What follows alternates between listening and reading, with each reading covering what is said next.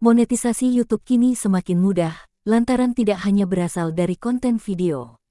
Melalui program partner YouTube YPP, kini kreator video shorts dan musik juga semakin mudah dapat uang. CEO YouTube Susan Wojcicki mengatakan, YPP adalah sesuatu yang revolusioner saat diluncurkan pertama kalinya pada tahun 2007. Dalam tiga tahun terakhir, YouTube telah memberikan lebih dari 50 miliar dolar AS penghasilan kepada kreator, artis, dan perusahaan media.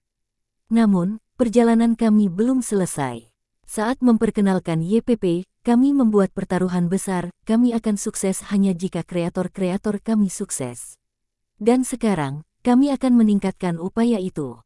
Kami memperkenalkan cara anyar untuk mengapresiasi kreativitas di platform kami dengan memperluas akses program partner YouTube, kata Wojcicki dalam keterangannya, Kamis tanggal 22 September tahun 2022. Mulai tahun 2023, kreator yang berfokus pada Shorts dapat mendaftar YPP setelah memenuhi syarat minimal 1000 subscriber dan 10 juta tayangan Shorts dalam 90 hari. Para mitra baru ini akan mendapatkan semua manfaat YPP, termasuk monetisasi iklan di video Shorts maupun video format panjang YouTube. Untuk mendukung kreator yang masih pemula di platform ini, YouTube juga akan memperkenalkan tingkat YPP baru dengan persyaratan lebih rendah yang menawarkan akses lebih awal ke fitur fund funding tertentu, seperti Super Thanks, Super Chat, Super Stickers, dan langganan channel. YouTube juga memperkenalkan model pembagian keuntungan baru untuk Shorts. Mulai awal 2023, platform akan beralih dari sistem pendanaan tetap dan lebih mengandalkan model pembagian keuntungan yang unik di Shorts, baik untuk kreator yang sudah menjadi anggota YPP maupun yang baru mendaftar.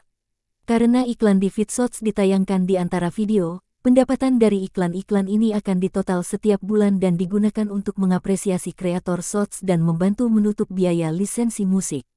Kreator akan menerima 45% dari keseluruhan uang yang dialokasikan untuk mereka, yang kemudian dibagi berdasarkan kontribusi masing-masing dalam jumlah total penayangan shorts. Angka pembagian keuntungan ini akan sama, apakah mereka menggunakan musik atau tidak. Peluang ini akan tersedia bagi semua anggota YPP, termasuk kreator baru yang terutama membuat konten dengan perangkat seluler, yang baru akan bergabung dengan program ini untuk pertama kalinya, kata Chief Product Officer YouTube Neil Mohan. Lebih lanjut, YouTube memperkenalkan kreator musik, sebuah solusi baru yang memberi kreator akses mudah ke katalog musik lengkap untuk digunakan dalam video mereka. Solusi ini juga membuat artis dan pemilik hak musik dapat mengakses sumber pendapatan baru dari penggunaan musik mereka di YouTube. Kreator sekarang dapat membeli lisensi musik yang terjangkau, berkualitas tinggi, dan memungkinkan monetisasi optimal, pembagian keuntungannya akan sama dengan jumlah yang biasa mereka terima dari video tanpa musik. Bagi kreator yang tidak ingin membeli lisensi di depan, mereka masih dapat menggunakan lagu tetapi harus berbagi pendapatan dengan artis dan pemilik haknya. Kreator musik saat ini masih dalam versi beta di AS dan akan tersedia di lebih banyak negara pada tahun 2023.